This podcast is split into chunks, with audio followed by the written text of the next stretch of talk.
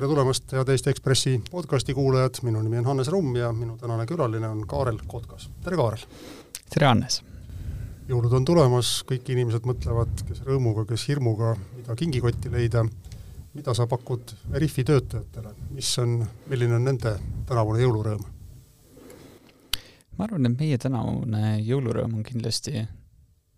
vaadata tagasi teemadele, mis me oleme ära lahendanud selle aasta jooksul ja ma arvan, et see tulemuste nägemine on tavaliselt see, mis kõige rohkem ka sellist head meelt loob. aga milline on siis selline, alati inimesi huvitab vaadata teiste inimeste rahakotti, et milline on siis see jõulupreemia, mida, või jõuluhüve, mida, mida sa oma töötajatele pakud? meil on kõik inimesed, on ettevõtte osanikud, mis tähendab, et nemad saavad, saavad osa kogu sellest väärtuse kasvust, mida me oma töös teeme. ja, ja see on oluliselt rohkem väärt kui lühiajaline rahaline preemia. Äh, eelmine aasta oli Verifi jaoks edukas, äh, sind ennast valiti aasta parimaks ettevõtjaks. Äh, kuidas nüüd tänavuse aastaga võrreldes on, et on taas olnud selline pandeemia aasta, mis mõnes ettevõtlusvaldkonnas on olnud, tähendanud väga head arengut, mõnes on seis väga nutune, kuidas Verifi käekäik on olnud? mina isiklikult veel näen, et tegelikult aasta veel käib, et selles suhtes, et, et et äh, kokkuvõtteid tehakse alles hiljem. et si-, senimaani on väga, väga põnev aasta olnud, hästi palju uusi väljakutseid ja kliente ja ma arvan, et see on see, mis meie jaoks on seda teinud väga edukaks. et kindlasti mida rohkem on muutusi, seda rohkem on põnevust. ja ma oskan ainult öelda seda, et et iga aasta on aina kihvtim sel teekonnal hiljuti koostati üks Eesti tehnoloogiaettevõtete edetabel ja Veriff oli seal siis auväärsel seitsmendal kohal ja teie väärtuseks arvutati siis välja, teie ettevõtte väärtuseks kolmsada seitsekümmend miljonit äh, eurot või dollarit. et olite te ise selle arvutuskäiguga nõus? jah, ma siiamaani kogu aeg imestan, et kuidas erinevaid neid arvutuskäike tehakse igal pool, aga mis mi-, mina ise lihtsalt näen, et et see usaldusväärsuse teema, millega me internetis tegeleme, et kui me suudame seda teha väga suures mastaabis üle maailma, siis ma arvan, et see on üks kõige suuremaid võimalusi internetis. ja ükskõik, mis see number kuskil alguses või keskel on, tähtis on see, kes maratoni esimesel lõpetab ja kui me nüüd spordimeeste keelde läksime, siis kus te praegu maratoni distantsil umbes olete, et kas kolmsada seitsekümmend miljonit on siis esimesed kümme kilomeetrit või, või on juba siin neljakümnes kilomeeter ja lõpp paistab? see on selline tubli kolmas kilomeeter on tehtud, juba jalad hakkavad natukene harjuma jooksmisega ja iseenesest meil on rõõmus, et ma arvan, et see on alles täiesti alguses. kena, aga kui me üldse Veriffist räägime, siis äh, ma usun, et äh, kui rääkida siin sellisest tuntud Eesti uuema põlvkonna ettevõttest nagu Bolt, siis kõik inimesed saavad aru, mis Bolt on, isegi kui nad seda teenust ei kasuta. aga too palun näiteks mõni Veriffi selline hea klient ja kirjelda, et mida te siis sellele kliendile pakute, millist teenust? ma arvan, et me võiks kohe rääkidagi Boltist, et Boltil on ka erinevaid teenuseid, et kuidas nemad kasvavad äh, ja uusi teenuseid toovad turule, siis see kõik eeldab usaldust ja usaldusväärsust, et äh, ühe näitena on see, et kui on võimalik rentida endale auto, siis on vaja Veriffi abi, et vaadata, et kas see on tõepoolest see isik kehtiva juhiloaga, et ta saaks üldse sellele teenusele ligipääsu. ja see on üks näide nendest äh, olukoht, olukordadest, kus on Veriffi lahendust ja teenust vaja. teise näitena Eestis on ju loomulikult Wise, et kuidas on võimalik teha neid rahaülekandeid ja selleks, et seda teha turvaliseks ja võitlemaks terrorismi ja rahapesu vastu, on jälle vaja identida ja vaadata, et kes on mõlemas otsas. ja need on kõik valdkonnad ja kus Veriff on seotud ja võimaldab nendel teistel innovatsioonilistel ettevõtetel kasvada. et see ongi selline valdkond, kus Veriff tegutseb, on, on selline infrastruktuur. me loome teed,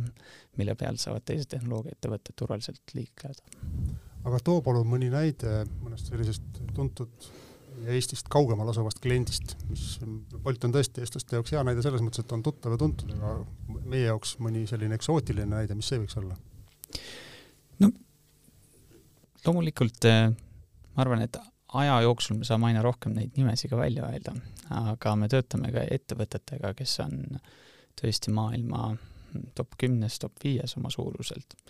Ja ettevõtted, keda me tegelikult kasutame oma igapäevatöös igapäevaselt, et, et see identimise vajadus on tegelikult väga-väga lai. et alustamaks sellest, et kuidas omale uusi töötajaid distantsilt tööle palgata, kuidas saada oma konto tagasi, kus on parool ära unustatud ja kuidas sellises uues virtuaalmaailmas ja metaverse'is on võimalik hoida inimesi turvaliselt, kuidas me saame võimaldada sellele uutele arengutele internetis. et mõtle näiteks lapsed, kes mängivad erinevates platvormides, et, et kui varasemalt oli koolikiusamine, see mõneti nagu jäi kooli füüsilises maailmas, aga nüüd pärast kooli nad lähevad koju, logivad ennast uutesse virtuaalkeskkonnadesse sisse, et kuidas meie saaksime turvalisust tagada et need, kes on pahalased, need ei saa teise konto alt tagasi sisse. Need, kes on siis, äh, kuidas me saame kindlaks teha, et lapsed räägivad lastega ja need on kõik valdkonnad, kus Veriff tegelikult äh, töötab seal taustal koos maailma suurimate ettevõtetega ja see on valdkond. nüüd sa oled tänuväärselt rääkinud äh, mida te teete, aga järgmine loogiline küsimus, et kuidas te seda siis teete, et kui nüüd on vaja kindlaks teha, et lapse jaoks kindlaks teha, et, et see, kellega ta räägib, on teine temavanune kümne või kaheteistaastane laps, mitte, mitte pava peal väljas olev pedofiil internetis, et, et kuidas te siis seda kindlaks teete? ma arvan, et, et see kõige tähtsam osa internetis, kus on hästi palju võltskontosid, võltsnimesi, võltsuudiseid, ei piisa ainult nagu modereerimisest, kuivõrd sellest, et sa esialgu tekitad selle vastutustunde päris nagu identimise läbi kohe alguses et kust see informatsioon pärineb, kes see inimene on. ja see ongi see valdkond, kus me kasutame seadme kaamerat, viies siis kokku inimese näo tema riiklikult väljastatud identee-, identiteediga, milleks on siis pass, juhiluba, ID-kaart näiteks. ja seda me teeme üle maailma, kasutades üle kümne tuhande erineva identitee-, riiklikult väljastatud identiteedi, mida me saame kasutada selle tarbeks. ja see kõik algab sellest esimesest väga turvalisest sammust ja siis järgmised kõik eh, sammud on, inimesed tunnevad ka juba mõneti seda vastutust, et, et see internet ei ole koht, kus, kus me tegelikult oleme pikalt aru saanud, et sa saad ju võrdväärseid tehinguid ja suuri asju juba teha distantsilt. aga, aga see vastutuse tekitamine, vastutustunde tekitamine internetis on meie käes. ja see ongi see valdkond, millega me väga-väga aktiivselt tegeleme kui fotograaf sinuga just mõni hetk tagasi pilti tegi, siis, siis ta pildistas sind ka sinu oma telefonis ja sa naeratasid niimoodi, et sul käes oli sinu oma telefon sinu oma pildiga, et kuidas nüüd Veriffi tarkvara võrdleb siis sinu seda telefoni pilti äh, sinu näiteks juhiloa või passiga ja teeb kindlaks, et see Kaarel, kes on, kes on parasjagu telefoni ekraanil, on täpselt seesama Kaarel, kelle juhiluba, kelle juhiloa pilt on teil ka olemas? no meie tehnoloogiline osa hästi nagu lihtsalt rääkides ongi see, et me üritame teha selgeks, et kas selles hetkes on see inimene ehm, iseseisvalt, vabatahtlikult eh, reaalajas olemas. et me suudame aru saada, et kas meile näidatakse pilti või päris inimest eh, siin kaamera taga, kas näidatakse päris isikut tõendavat dokumenti või pilti sellest dokumendist või paberile välja prinditud lahendusi, et see on kõik selline tehnoloogiline äh, töö, mida me teeme, et kuidas oleks meil võimalik täpselt aru saada, et tegemist ei ole pildiga ja kuidas me suudaksime ehitada lahendust viisil, et et selle pettuse tegemine oleks niivõrd kallis, et et selline organiseeritud kuritegevus internetis läheks pankrotti. aga siit edasi minnes, see isikutuvastus on tohutu, tohutult kiiresti arenenud millised on äh, need isikutuvastuse sellised äh, noh, head küljed, et äh, kas võib öelda siis lihtsustatult, et inimesed suudavad palju väiksema vaevaga ja ettevõtted oma klientidega suheldes vähem aega raisates tegelikult pakkuda mugavamalt seniseid teenuseid? jah, kindlasti, et ma arvan, et, et me olime harjunud juba mingeid teenuseid tarbima internetist ja internetipank, mis tegelikult on juba meiega olnud kakskümmend aastat ja kõik need võimalused, mida me oleme saanud teha, aga loomulikult see pandeemia tegelikult pani ka teisi sektoreid mõtlema väga täpselt selle peale, et et kui on vaja teha notariaalseid tehinguid distantsilt, miks mul on hingesiidlasena vaja võtta see pikk teekond näiteks ette Tallinnasse, et see protsess lõpuni viia, mis kestab lõpuks kolmkümmend minutit ja pärast on neli tundi tagasi koju minek. et, et need on need valdkonnad, kus me saamegi luua seda võrdväärset eh, usaldust distantsilt. Ja, ja see on nagu üks näide sellest, et kuidas ettevõtted kõik hakkavad mõtlema, et varasemalt nad nägid, et see ei olnud nende jaoks võimalik, aga nüüd tänu Veriffi abile on võimalik neid suuri tehinguid teha ka distantsilt. ja see on loomulikult, kui see pandeemia tuli ja kõik sektorid hakkasid mõtlema, et, et okei okay,, ülikoolid, kuidas me teeme distantsilt eksameid, kuidas me saame ära võrdsustada selle, et see oleks justkui ühes klassiruumis kas meil on tehnoloogiaid ja lahendusi, et näidata, et au, ausad inimesed on usaldusväärsed.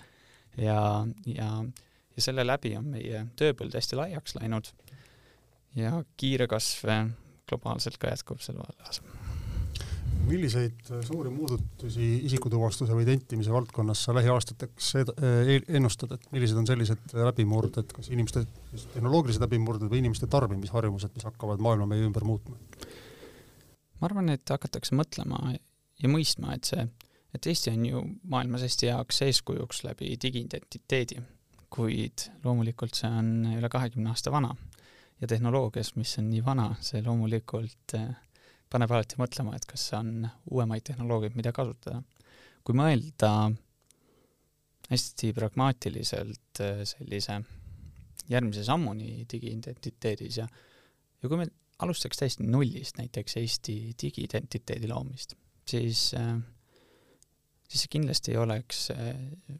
see kindlasti ei baseeruks ID-kaardil, millel on selline kiip ja PIN-koodid. et äh, järgmine samm oleks kindlasti rohkem biomeetria suunas, sest oluliselt lihtsam on kellegi ID-kaart PIN-koodidega ära võtta kui kellegi pea näiteks. ja niimoodi edasi minnes me näeme, et see nagu biomeetriline pool on on samm suurema turvalisuse osas. ja, ja kindlasti on see valdkond, mille suunas me oleme nüüd tegelenud üle kuue ja poole aasta ja, ja aitame seda oluliselt turvalisemaks teha kogu maailmas. Mõni Eesti riigi esindaja on ka teie poole pöördunud, et teil on siin kihvt põnev tehnoloogia, te müüte seda maailma absoluutsetele suurfirmadele, et kuidas Eesti riik võiks sellest kasu saada, mida võiksime meie teha selleks, et jätkata oma e-valimiste ja e-residentsuse ja muude digi, digi-Eesti edulugude näiteid? ma arvan, et me oleme, kindlasti on nagu küsitud erinevaid ideid, kuid äh,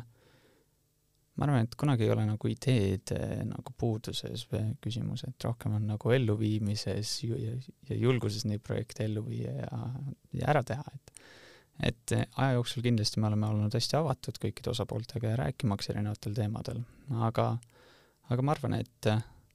et erinevaid riske internetis saab maandada, aga samas need riskid on alati olemas igas erinevas valdkonnas. Need on lihtsalt julguse tagasi küsimus, et neid hakata testima. ma saan, kas ma saan aru, et äh, Veriffi poolne ja idufirmade poolne nõudlus e-Eestit arendada on olemas, aga pole poliitilist, tähendab, teiepoolne pakkumine on olemas, aga ei ole poliitilist nõudlust need asjad ära teha, mida, mis, mis teil on tegelikult juba tehnoloogiliselt ammu, ammu teada ja paigas jah, ma julgeks niimoodi öelda küll, et, et see natukene on seotud teemadega, et kus, kus tehnoloogiasektori poolt on valmisolek mitte ideid, vaid päris lahendusi anda riigi kasutusse, kas või tasuta, toetada probleemide lahendamisel. kuid puudub tõesti selline julgus ja projekti juhtimise oskus ellu viia. Lähen korraks tagasi, et kui me rääkisime sellest, mida isikutuvastus, isikutuvastuse kiire areng võib pakkuda,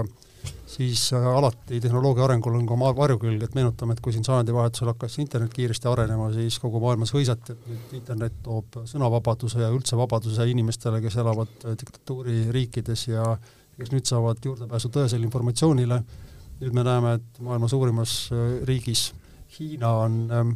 internetti, kasutatakse internetti just selleks, et sõnavabadust piirata ja, ja inimeste isikuvabadusi kontrollida. Isikutuvastusega on tegelikult, mulle tundub, et täpselt samasugune oht, et äh, rikkad äh, riigid jaksavad osta endale moodsaid tehnoloogiaid isikutuvastuse tehnoloogiaid, näiteks tänaval üles pandud äh, kaamerad, mis reaalajas edastavad pilti, mida reaalajas äh, siis analüüsitakse, mis võimaldavad tegelikult diktatuuririikidel oma kodanikke totaalselt kontrollida. et kui suureks sa pead ohtu, et tegelikult isikutuvastuse tehnoloogiaid kasutatakse ära selleks, et et mitte vabadusi ühiskonnas juurde luua, vaid vastupidi, et mingid ühiskonnad päris nagu lukku panna? ma arvan, et tehnoloogia on alati tööriist ja, ja alati on ka küsimus, et et mis eesmärki ta täidab. selleks, et tehnoloogia täidaks õigeid eesmärke ja mida inimesed saaksid usaldada, see eeldab läbipaistvust ja läbi, läbi selle on võimalik usaldusväärsust tekitada. et kindlasti need näited, mis sa ka välja tõid, me tegelikult ju ei tea, mis seal toimub. see on mõneti ka spekulatsioon, aga ne, selle aluseks on see, et puudub läbipaistmine, paistvus, et milleks neid andmeid kasutatakse. ma arvan, et meie valdkonna tarbes, kui me tahame just seda usaldusväärsust internetis tekitada, siis kõik algab sellest, et see peab olema läbipaistev ja samuti ka hästi konkreetselt välja tooma, mis on ka meie enda eetikakoodeksis, et informatsiooni hulk, mis meile usaldatakse, kasutatakse vaid isikusamasuse tuvastamise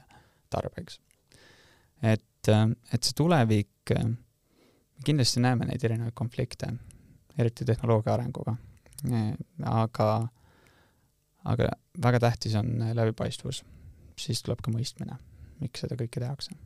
no tõenäoliselt äh, Venemaa ja Hiina puhul ei olegi võimalik kellelgi kontrollida, mida, mida ja kuidas nende võimud tehnoloogiaga teevad, kelle käest nad seda sisse ostavad, aga kui me tuleme korraks tagasi Eestisse ja Euroopasse, siis äh, on näha, et näiteks äh, ühismeedia, sotsiaalmeedia arenguga seadusandjad ja valitsused ei jõudnud sammu pidada ja need väljusid tegelikult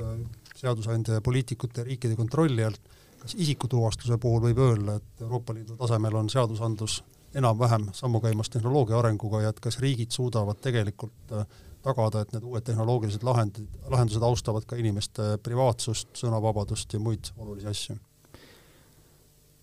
ma arvan, et äh, eriti privaatsus internetis, mm, see ei ole teema, mis on, mida saaks nagu reguleerida, kuivõrd see algab kõik inimesest endast ja tema enda hügieenist, mida toimub internetis. ja, ja, ja see ja see on tegelikult niivõrd oluliselt tähtsam roll on inimestega rääkimisel, mis on ohud ja kuidas neid vältida, kuivõrd üle reguleerida erinevaid valdkondi, sest äh,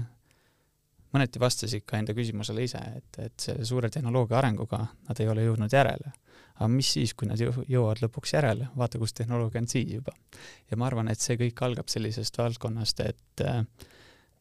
et inimesed äh, peaksid lihtsalt ise võtma nagu selle arusaamise ja mõtlema, et kas, kas nende jaoks on tähtis, et kogu nende eraelu oleks Facebooki lehel nähtav. ja, ja ma arvan, et see on esimene samm, kuidas enda privaatsust ka kaitsta. üks asi, mis on maailma ajaloos alati olnud valitsejate kontrolli all, see on raha väljalaskmine. nüüd me näeme, et tehnoloogia arenguga, krüptoraha tulekuga enam ei olegi äh, riigid need, kes kontrollivad seda, kuidas me teenuseid müüme ja ostame, vaid äh, seda võivad teha ka täiesti sõltumatud eraettevõtjad.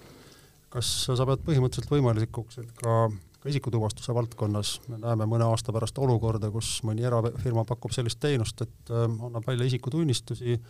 mida võib-olla riigid otseselt ei aktsepteeri, aga mida aktsepteerivad mõjukad suurfirmad ja tegelikult läheb käibele selline äh, ükskõik millisest äh, riigist või valitsusest sõltumata digitaalne isikutunnistus, millel polegi nagu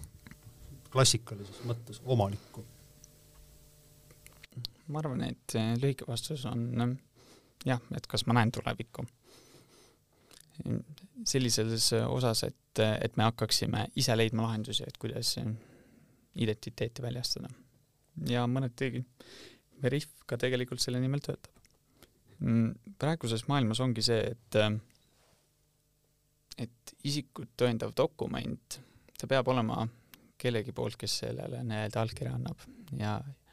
ja riiklikult väljastatud identiteet äh,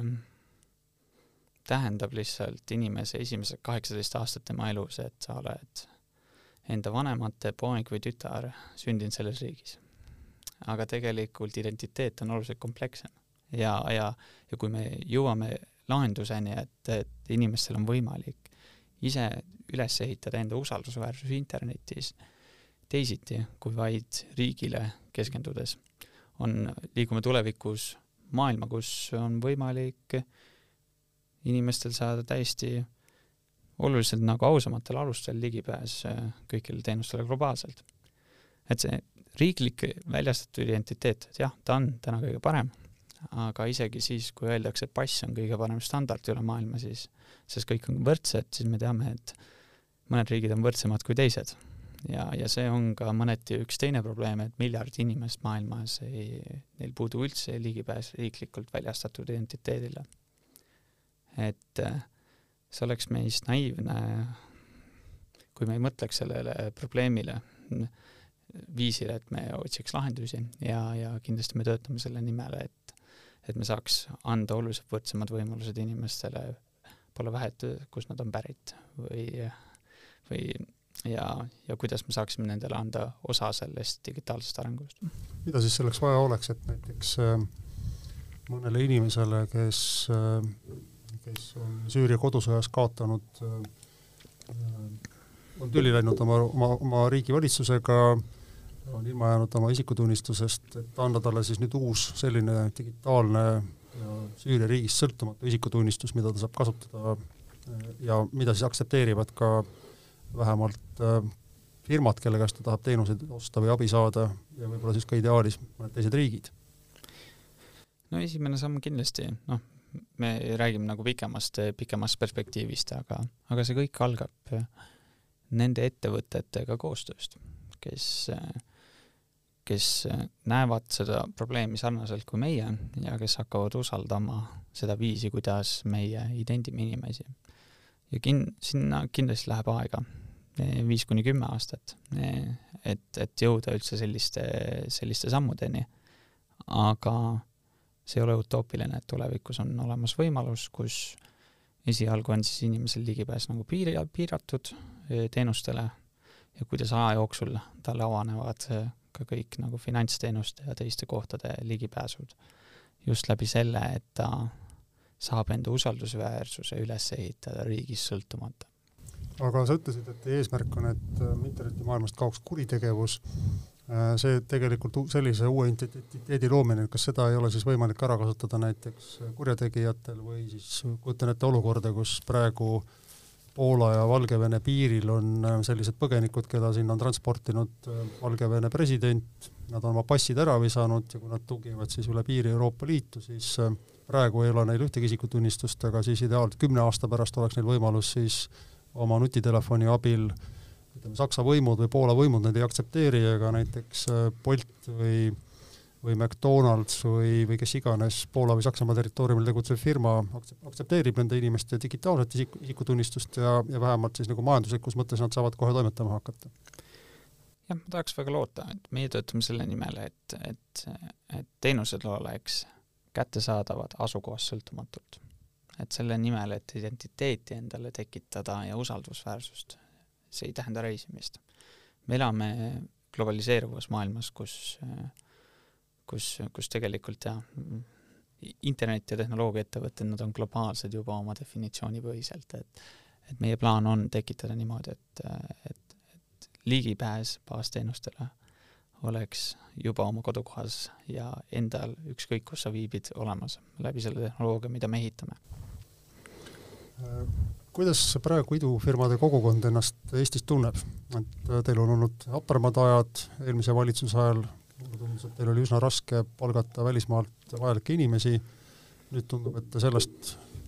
tõkkest olete üle saanud ja, ja olete üle saanud, olete võitnud ka selle esimese olulise lahingu, et Eestis vähemalt äh, majanduslik ja poliitiline liit on aru saanud, et idufirmad on need, kes äh, loovad reaalselt ja olulisel määral uusi töökohti, tekitavad riigile olulisel määral tõsist maksutulu, äh, kas võib öelda, et olete nüüd nagu kindlalt kahe jala, kahe jalaga ennast Eestis maas ja tunnete ennast siin valdkonnana mugavalt ja teretulnuna? jah, ma oskan, ma oskan seda öelda, et, et Eesti startup'i sektor, arvestades, kui palju väärtust nad loovad ja mis välisinvesteeringud on siia majandusse ka toodud, see, see tugi riigile on nii suur. see on see, kas algab kõrge palgaga inimestest nendes ettevõtetes, kuivõrd ka nagu läheb edasi juuksurite ja kõikide teiste tugiteenusteni, kes sellest väga palju võidavad. ma arvan, et, et see mõtlemine on hästi oluline, et, et selleks, et ehitada globaalset äri, on vaja ka inimesi üle maailma. ei ole võimalik elada utoopias, kus, kus me nüüd arvame, et et siseringis väikse grupi eestlastega meil on võimalik mingi globaalne asi ära lahendada, sest tegelikult see rahvusvahelistumine ei ole lihtsalt äh, keele muutmine sinu kodulehel. see on hästi kompleksne, sul on vaja hästi täpselt teada, et kuidas erinevad valdkondad ja kombed toimivad. ja mina oskan väga suure julgusega öelda ja ma olen nagu väga uhke selle üle, et meil on nelikümmend kaks erinevat rahvust Veriffis ja, ja see on see, mis on meid teinud globaalseks. Ja, ja ma tahaks, et need inimesed, kes teevad Eestit nii palju suuremaks siin maailmakaardil, tunneks samamoodi uhkust ja nende vastu oleks sama suur austus, et aitäh selle eest. Kas võib öelda ka, et tegelikult üks oluline valdkond kogu maailma äh, startupide valdkonnas, mida on võimendanud isikutuvastus ja pandeemia, on see, et see muutub taas jälle koha, kohalikumaks. mida ma mõtlen selle all, oli see, et varem, kui mingil, mõnel startupil läks väga hästi, ükskõik kust maailmast ta ei asunud, siis varem või hiljem pidi ta minema Silicon Valley'sse või vähemalt Londonisse, et nüüd äh, startup'id saavad rahulikult kasvada ja areneda seal, kus nad on loodud, ei ole enam nagu sellist absoluutset vajadust lõpetada siis kusagil kusagil Londonis või Silicon Valley's, vaid et tegelikult võib rahulikult toimetada ka Eestis ja see nähtus, mida me, mida me oleme siin aastaid näinud, et Eesti edukad startup'id kolivad tasapisi Eestist välja, et või mujalt kusagilt, ma ei tea, Jakartast ja Addis Abebast minema, et, et see, see suund on peatunud. jah, ma arvan, et väga piisavalt on neid näiteid, et, et, et suuri asju on võimalik teha igalt poolt juba tänapäeval, et ei ole selleks mingid tõmbekeskused nagu Silicon Valley ja London mõne näitena. et, et varasemalt oligi see suurem teema oli investeeringute kaasamine, mis väiksemates kohtades oli piiritletud, sest puudus vajalik kapital. aga nüüd on kõigil ka Silicon Valley's julgus vaadata oluliselt kaugemale kui lihtsalt oma kümne kilomeetri raadiuses olevaid ettevõtteid et, et see on kindlasti tekitanud suuri võimalusi, sest, sest tehnoloogia valdkonnas on hästi tähtis see, et, et, et sa ei ehitaks mingit äppi, vaid sa lahendad päris probleemi ja kasutad tehnoloogiat selle nagu skaleerimiseks üle maailma. ja kui on selline järjekord töö tegemisel paigas, siis ma arvan, et investorid leiavad sind ka ülesse ja toetavad nende tegemist ka, ka seal, kus, kus vastav tiim näiteks paikneb. teine osa on ka see, et, et hea talendi kaasamine on igal pool raske. et ei ole olemas sellist võluvitsa, et, et ma nüüd ehitan ettevõtet siin, sest selle talendi kaasamine on kergem. head inimesed alati on noh, Neid on igal pool eh, raske leida ja, ja seepärast eh, tuleb lihtsalt luua sellist nagu paindlikkust. ühe näitena me ise jäime mõtlema, et, et mis on meie kontorite asukohad, kus on ka loomulikult London ja New York. et, eh, et kuhu tahaksid inimesed tulla näiteks, kes on väsinud San Franciscos töötamisest või, või Londonist. ja tuli välja, et, et keegi väga novembris ei taha Eestisse tulla, kuivõrd on nõus nagu oma perega kolima Barcelonasse. ja see on nagu selline kihvt näide oli sellest, et kuidas me avasime väikse kontori, mis on äh, lühikese ajaga juba kolmekümne pealiseks kasvanud. aga, aga ma arvan, et see liikumine, see on, see on selline osa vabadusest ja ma arvan, et mina väga toetan, et, et inimesed saaksid töötada sealt, kus neil on kõige mugavam kas oskad öelda, äh, milliseks on muutunud pandeemia mõjul maailma töökultuur, et äh, sadade miljonite inimeste jaoks oli selles mõttes elumuutev kogemus, et ootamatult nad pidid minema üle distantstööle, see, mis äh, startup'i kogukonnas on olnud aastaid loomulik, see oli tõesti väga paljude inimeste jaoks suur šokk. mis sinu meelest sellest kogemusest jääb nüüd nagu püsima ja muudab seda, kuidas inimesed siiamaani on töötanud ja mis suunas ta seda muudab? no iga kriis lihtsalt kiirendab olemasolevaid trende ja, ja see oli ka näide, et, et kus tegelikult startup'id meie jaoks väga palju midagi muutunud, et selline äh, aeg on läbi, et, et, et on vaja töötada üheksast viieni ühes konkreetses kohas laua taga. et äh, see tulemuste, mitte tundide pärast. ja need on need osad, kus, kus ma tegelikult ka näen, et, et see paindlikkus on kindlasti see, mis tuleb kaasa ka pärast selle pandeemia lõppemist. Ja, ja ma, see on väga-väga tervitatav, et selline paindlikkuse mastaap jääb. kuigi ma arvan, et et kindlasti see maailm, et me oleme kõik täiesti distantsilt, ähm, see on ka selline äärmus, mis mu, mis arvatavasti ka noh, ei jää nagu püsima, et selline hübriidne lahendus ja paindlikkus on see, mis, mis jääb, sest äh, aina rohkem tööde automatiseerimisega on vaja oluliselt äh, kreatiivsemaid ja ja nagu laiemaid töid, mis, mis eeldab uute lahenduste mõtlemist mis, mis ei ole lihtsalt arvuti poolt äh, arvutatav.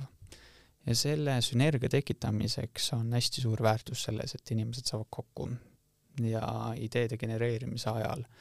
kas või kohvinurgas erinevate tiimide vahel räägivad ja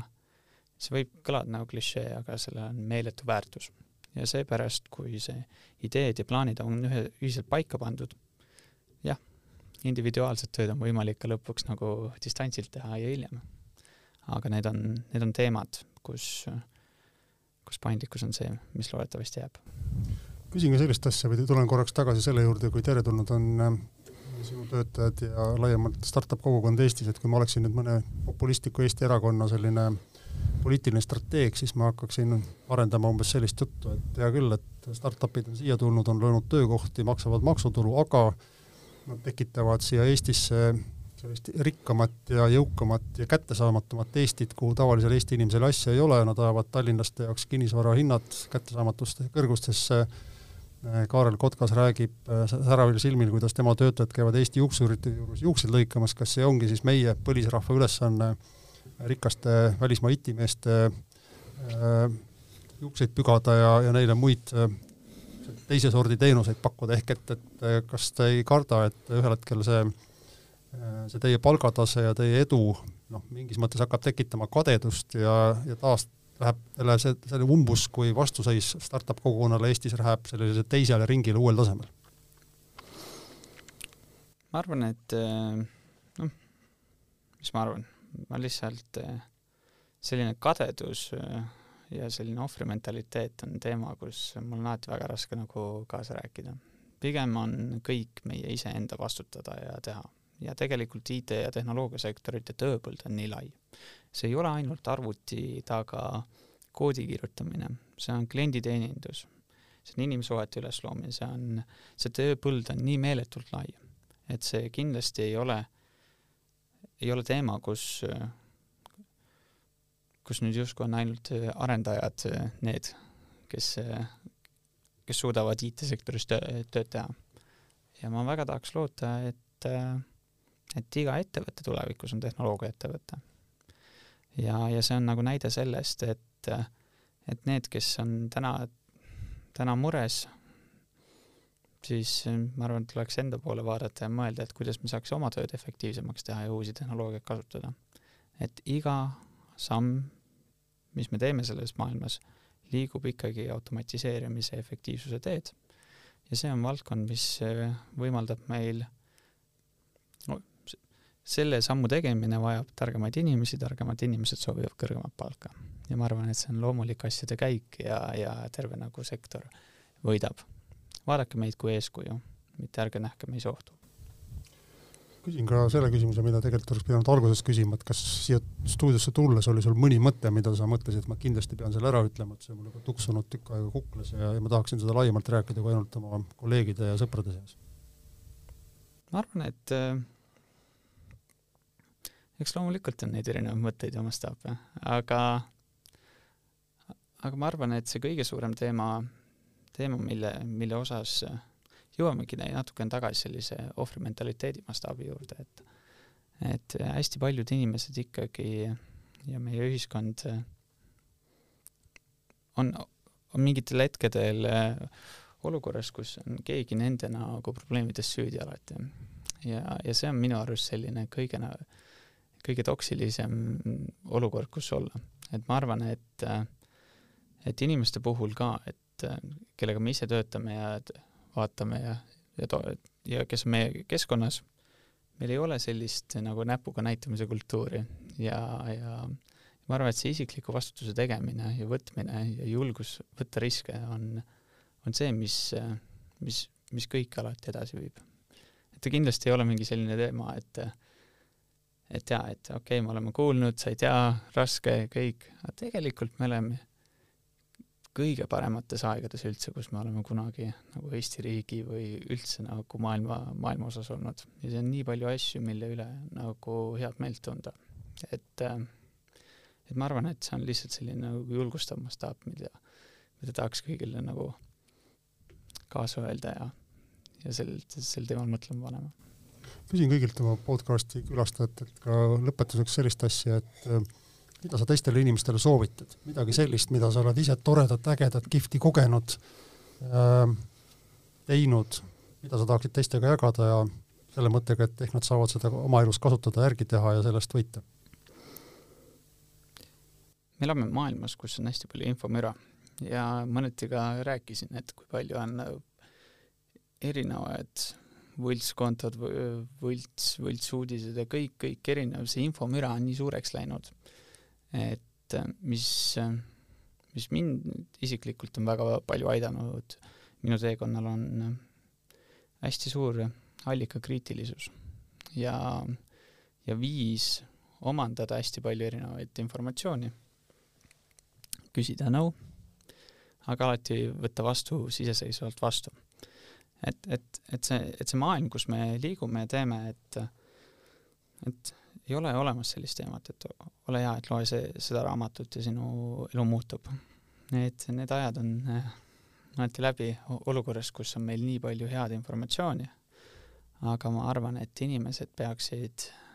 alati mõtlema allikakriitilisuse peale. ja, ja see funktsionaalne lugemine muutub aina tähtsamaks iga päevaga aitäh sulle, Kaarel Kotkas, äh, ma usun, et sinu elus on aeg-ajalt ikka tehtud ka nimenalju, sinuga suheldes meenus mulle üks tore Gruusia toost, mis lõpeb sõnadega, et soovime, et meie kotkatiivad kannaksid teda kaugele, soovin edu sulle, soovin edu Veriffile, aitäh teile, head kuulajad, vestlust juhtis Hannes Rumm.